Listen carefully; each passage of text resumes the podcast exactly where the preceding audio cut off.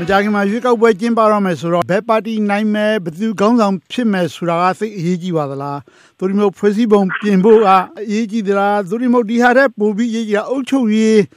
management ကောင်းဖို့အပိုအရေးကြီးမယ်လို့တချို့ကလည်းပြောကြပါတယ်ဆိုတော့ဒီဟာကိုပထမဆုံးဥတ္တမောင်တန်းအနေနဲ့ဘယ်လိုဖြေချင်ပါလဲခင်ဗျာဒီမိုကရေစီကိုရှေ့ရှုတဲ့နိုင်ငံကျိုးမှာအဘက်ကတော့ ပြည်သူလူထုကရွေးကောက်တင်ရောက်တယ်ပြည်သူလူထုလိုလားတဲ့စံသားကိုကောက်တယ်ပေါ်ပေးမယ်ခေါင်းဆောင်ဖြစ်ဖို့အရေးကြီးပါတယ်မဟုတ်လို့ရှိရင်လမ်းကြောင်းတွေကအမျိုးမျိုးပြောင်းသွားနိုင်ပါတယ်ပြည်သူလူထုကလိုလားတဲ့ခေါင်းဆောင်ရပြီဆိုတဲ့အခါကျမှအုပ်ချုပ်မှုပြည်ရင်ကြောင်းတွေရတော့ဒုတိယဆင်လို့ရနိုင်တယ်ကျပါတယ်ခေါင်းဆောင်ပြောင်းလဲသွားလည်းပဲခေါင်းဆောင်အနေနဲ့လုတ်ခွင့်မသာဘူးဆိုရင်ရောခင်ဗျာအတိုင်းစာတွေရှိပါတယ်မလင်ရဲ့စီးပွားရေး လူမှုရေးအုပ်ချုပ်ရေးမူဝါဒချမှတ်ခြင်းလုပ်ငန်းတွေအားနေပါတယ်ဘယ်သူပဲကောင်းဆောင်ဖြစ်ဖြစ်လုပ်ရမယ်အလုပ်တွေဖြစ်ပါတယ်သို့တော့ဒီမိုကရေစီလမ်းကြောင်းပေါ်ကနေမတွေ့ဖြစ်သွားဖို့ကပိုပြီးတော့အဓိကကြားတယ်ဖြစ်ပါတယ်ဘာကြောင့်လဲဆိုလို့ရှိရင်ကျွန်တော်တို့နိုင်ငံအတွေ့အကြုံရအာဏာရှင်စနစ်အာဏာပိုင်ဝါဒထုံးကားလာလို့ရှိရင်အုပ်ချုပ်ရေးပြတ်သွားတာများပါတယ်ဒါကြောင့်မို့အဲ့ဒီအာဏာပိုင်ဝါဒနဲ့ကြီးလာခဲ့တဲ့ အလေးထားများလာခဲ့တဲ့သူတွေနဲ့အုပ်ချုပ်ရေးကိုပြုပြင်ကြောင်းလဲတယ်ဆိုလို့ရှိရင်နောက်အာဏာပိုင်ဝါဒထဲပြန်ပြီးဝင်သွားမှုအလားအလာရှိနေမလားလို့ကျွန်တော်ဆွေးနွေးပါတယ်ဒါတော့ပြောတာပါဆိုတော့ခေါင်းဆောင်ပိုင်းဆိုတာတဲ့အုပ်ချုပ်ရေးရန်ရ bureaucracy ကိုလည်းပဲလူသစ်တွေနဲ့အစားထိုးပြောင်းလဲရမယ်ဆိုတဲ့သဘောပေါ့ဆရာဟုတ်ပါတယ်မှန်ပါတယ်ညသောအဖြစ်နိုင်ငံတွေဟာခေါင်းဆောင်တွေကြောင်းပြီးတဲ့အခါမှာ bureaucracy ရဲ့အည်တွေ တက်ဖို့အစိုးရထီအောင်မှုကြိုးစားကြပါမယ်အဲ2009ခုနှစ်ထိလေ့လာထားတဲ့လေ့လာချက်တစ်ခုပါဆိုလို့ရှိရင်အစိုးရထီရောက်ဖို့ဆိုတာအဲသူတို့သတ်မှတ်ထားတဲ့စံနေပေါ့နော်အဲ့ဒီထဲကိုဖြတ်သွားတဲ့နိုင်ငံ20ပေါ့အဲ့ဒီနိုင်ငံ20ရဲ့ကျန်းမာက36နှစ်ကြာပါတယ်ယူရိုပီရဲ့ရည်သွေးမြင်မာလာဖို့ဆိုတာကနှစ်ပေါင်း20ကျော်ကြာပါတယ်ဒါနိုင်ငံ20ရဲ့ကျန်းမာနော်နိုင်ငံ20ထဲမှာဝင်တဲ့နိုင်ငံတွေအများကြီးရှိပါသေးတယ်သို့တော့မြမတပိုင်းကြောင်းရပြောလို့ရှိရင် ယူရိုကရေစီအခြေခံကောင်းတွေကိုဖျက်ဆီးခဲ့တာကတပ်မတော်ကအာဏာသိမ်းပြီးတဲ့နောက်ပိုင်းမြမဆိုရှယ်လမ်းစဉ်ပါတီရှင်းတဲ့တပ်မတော်အစိုးရတစ်ချက်အထူးသဖြင့်တပ်မတော်အစိုးရတစ်ချက်မှာပို့ပြီးဖျက်ဆီးသွားတာဖြစ်ပါတယ်။ဒါကြောင့်မို့ဒီမိုကရေစီကိုရှေ့ရှုတဲ့ခေါင်းဆောင်ပေါင်းတယောက်ကိုကျင်းပဖို့ဒါမှမဟုတ်ရင်အဲ့ဒီပါတီအာဏာရဖို့ကတော်တော်လေးရည်ကြီးပါတယ်။ဟုတ်ကဲ့ဆရာကျွန်တော်တခုမေးချင်တာစောစောကဆရာနိုင်ငံ20ပြောတဲ့အထက်မှာအဲ့ဒီနိုင်ငံ20ရဲ့ နိုင်ငံရေးအခြေအနေဖွဲ့စည်းပုံအရအရသာအစိုးရလုတ်ပိုင်ခွင့်ရရှိတဲ့အခြေအနေစတာတွေဟာအခုမြန်မာနိုင်ငံအခြေအနေနဲ့အကျုံးဝင်တာသူတို့မဟုတ်ဒီဟာတဲ့ပို့ပြီးလွတ်လပ်မှုရှိတဲ့နိုင်ငံတွေလားဖွဲ့စည်းပုံရစသဖြင့်အရသာလုတ်ပိုင်ခွင့်ရှိတဲ့နိုင်ငံတွေလားဆိုတော့နည်းနည်းရှင်းပါအောင်ကြာကျွန်တော်အဲ့ဒီအစီအခံစာတော့မဖောက်ဘူးပါဘာကြောင့်လဲဆိုတော့အဲ့ဒီအစီအခံစာကဆက်ဆက်နေအများကြီးနဲ့ပြီးဝတ်တာပါတယ်ဒါကနိုင်ငံဒီမှာတွားရောက်ရင်းနှီးမြှုပ်နှံမယ်ဆိုတဲ့ committee ဒီက ဝယ်ပြီးတော့ပြောကြတာပါအဲ့တော့ခုနပြောနေတဲ့အခြေအနေတွေကြိုက်လားမကြိုက်လားတူလားမတူလားဆိုတာတဲ့မျိုးမျိုးကြွက်ကြမှာပါပဲဒါပေမဲ့ဒီဒီနိုင်ငံအသီးသီးရဲ့ပြန်မြကူကနှစ်ပေါင်း20ကျော်36နှစ်လောက်ကြာတယ်ဆိုလို့ရှိရင်အနည်းဆုံးကျွန်တော်တို့ကအဲ့ဒီနိုင်ငံ20လောက်ချိန်ပြီးလုံးမလုံးမှာအချုပ်မှုကောင်းလေးတစ်ခုရနိုင်တယ်လို့ယူဆမှာပေါ့နော် ဆိုတော့ကိုကသူ့တဲ့ပုံပြီးလုံနိုင်တယ်ဆိုလို့ရှိရင်တော့နှစ်တီထားတဲ့နည်းပြီးတော့ကြောက်သွားမှာတချို့ဒီမိုကရေစီပြုပြင်ပြောင်းလဲသွားတဲ့အာဏာရှင်စနစ်ကကူးသွားတဲ့နိုင်ငံတွေထိုင်ဝမ်တို့တောင်ကိုရီးယားတို့စသဖြင့်အဲ့ဒီနိုင်ငံတွေနဲ့ဆိုင်မြန်မာနိုင်ငံမှာ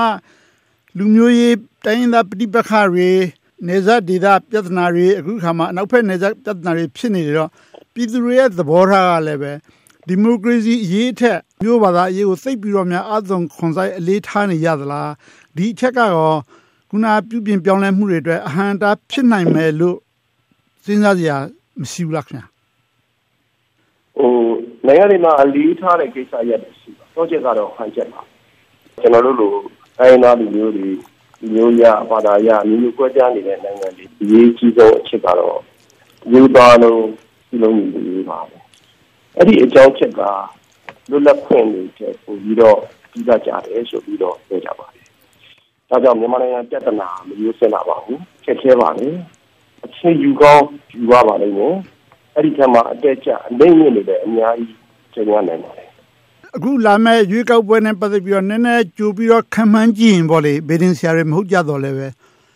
အလားလားဘယ်လိုဖြစ်နိုင်ပါသလဲအဲ့တော့လာမဲ့ရွေးကောက်ပွဲပြီးတဲ့အခါမှာတရားမျှတတဲ့ရွေးကောက်ပွဲလုပ်ရင်တော့ပြည်သူလူထုအများစုထောက်ခံမှုရတဲ့နိုင်ငံကြီးကဖြစ်လာတော့မှာပဲပေါ့လေအစိုးရဖွဲ့လာနိုင်မှာပဲဖြစ်ပါတယ်အဲ့ဒီအခါမှာ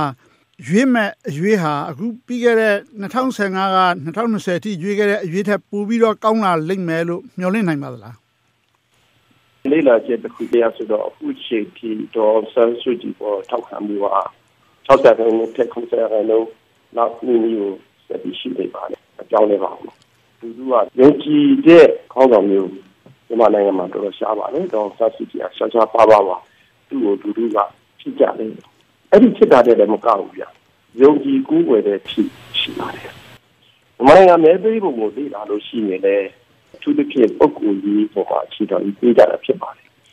ကျွန်တော်တို့သတင်းမှသမားတွေရဲ့သုံးသပ်မှုကတော့အစိုးရရဲ့ဆောင်ရွက်ချက်တွေဒီချိန်ထိုးကြည့်တတ်ပါဒါပေမဲ့လူလူကမဲပေးတဲ့အခါမှာအဲ့ဒါကစိတ်ကြီးအဓိကကြားတယ်ကျွန်တော်မဖြစ်ပါဘူးဒါကြောင့်တော့ဆောက်စုကြည့်ပြီးဆောင်တဲ့ပါတီကပဲအနိုင်ရဖို့အလားအလာများပါတယ်အဲ့ဒီယုံကြည်ရဆိုတာတဲ့ ကိုယ်ွယ်စီကတဲ့သဘော personality card မြန်မာနိုင်ငံရေးမှာအဲ့ဒီ delay မျိုးရှိနေတဲ့အတွက်ကြောင့်ကိုယ်တိုင်ဆုံးဖြတ်ရတာတဲ့အဲ့ဒီခေါင်းဆောင်တူတယောက်တည်းပေါ်မှာပဲမိခွန်းလုံးနဲ့သူပြောမှပဲအကုန်လုံးဖြစ်တယ်ဆိုတဲ့သဘောမျိုးသူမပြောရင်ဘာမှမလုပ်ရတဲ့အတွက်ကြောင့်လဲတိုးတက်မှုနှောင့်နှေးရတယ်ဆိုပြီးပညာရှင်တချို့ကသုံးသပ်ကြပါတယ်ကျွန်တော်နာမည်တော့မပြောလို့တော့ပါဘူးအဲ့ဒီအခြေအနေမျိုးများမြန်မာနိုင်ငံမှာဖြစ်နေလေသလားလို့မေးလာမယ်ဆိုရင်တော့ခင်ဗျာဒါက မရှောင်မလွဲတာတဲ့အောက်ချက်ပါပဲ။ဘာကြောင့်လဲဆိုတော့အင်မတန်အကောင်းတဲ့ကောင်းဆောင်တွေပေါ့နော်။မှာမြန်မာနိုင်ငံမှာအနာရသွားတဲ့ပုံစံတွေထဲမှာဒါဆိုလို့ရှိရင်ဦးနေဝင်ပြောလို့ရတယ်။ဂျိုဘူရီတိုက်ရှိပြောလို့ရမယ်။အခုတော့ဆန်းစစ်ကြီးကိုပြောလို့ရမယ်ပေါ့နော်။ဆိုတော့အဲ့ဒီလိုအားကောင်းတဲ့အကြောင်းမို့လို့လေတွဲလိုက်လာတဲ့ခက်ခဲတွေပြဿနာတွေတုံ့ဆိုက်ပြီးအများကြီးရှိပါတယ်။မြန်မာနိုင်ငံကြုံနေရတာလည်းအဲ့ဒီအခက်အခဲမျိုးဖြစ်ကောင်းဖြစ်မှာပါ။ အဲဆရာဝန်တင်နဲ့ကျွန်တော်ခါစကားပြောမှုတဲ့အခါမှာဆရာဝန်တင်ကကြိုပြီးပြောခဲ့တာရှိပါတယ်ကျွန်တော်တို့မြန်မာနိုင်ငံရေးမှာအဓိကရှင်ရတဲ့ပြဿနာတစ်ခုကတော့ဒေါ်ဆန်းစုကြည်နဲ့ကျန်တဲ့ကောင်းဆောင်တွေကြားကွာတဲ့အကွာဟာကြီးမားနေတာပဲဖြစ်ပါတယ်ဆိုပြီးသူကပြောခဲ့ပြီးပါတယ်အမိုင်းကိုပြန်ကြည့်မယ်ဆိုလို့ရှိရင်လည်းဗိုလ်ချုပ်အောင်ဆန်းနဲ့တခြားကောင်းဆောင်တွေကြားကွာတဲ့အကွာဟာတဲ့ဒေါ်ဆန်းစုကြည်နဲ့လက်ရှိတခြားကောင်းဆောင်တွေကြားကွာတဲ့အကွာဟာအမှန်တမ်းကိုကြီးမားပါတယ်ဒါကြောင့် အဲ့ဒီလိုခေါင်းဆောင်မှုမျိုးတွေနဲ့ရှင်တွဲလာတဲ့အခက်အခဲတွေလိုရမှာပါ။ဘာကြောင့်လဲဆိုတော့ဒီကျဲစနစ်ကိုကအဲ့ဒီလိုခေါင်းဆောင်တွေကိုပြန်ပြီးဆန်းကျက်ထိန်းနိုင်တဲ့သူ့သဘောနဲ့သူစနစ်ကကြောင်းပြီးသွားနိုင်တဲ့စနစ်မျိုးမဟုတ်ပါဘူး။ဒါကြောင့်မလို့ဒါတွေကခေါင်းဆောင်ရဲ့ပြဿနာအထက်ဒီကျဲအုပ်ချုပ်ရေးစနစ်ရဲ့ပြဿနာလို့ပဲရှုမြင်လို့ရပါတယ်။ မြို့သားကုန်ကြီးဖွဲ့ချုပ်ဒီကာလမှာအားနိုင်ခဲ့တယ်လို့ပြောလို့ရတာကတော့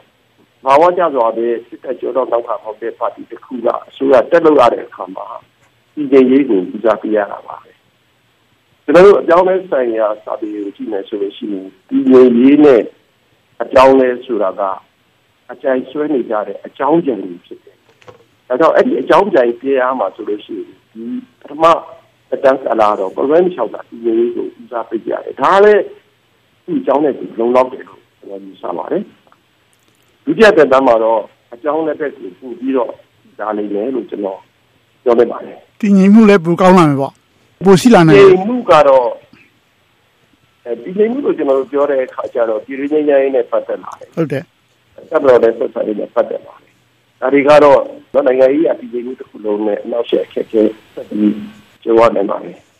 ဒါပေမဲ့ ဒီကြိမ်မှုလို့ပြောတဲ့အခါမှာအုပ်ချုပ်ရေးရန်ရာအတင်းကဒီကြိမ်မှုသဘောရပြောမယ်ဆိုရင်တော့ထိနိုင်လိမ့်မယ်လို့ထင်ပါတယ်ဟုတ်ကဲ့တချို့နိုင်ငံတွေမှာ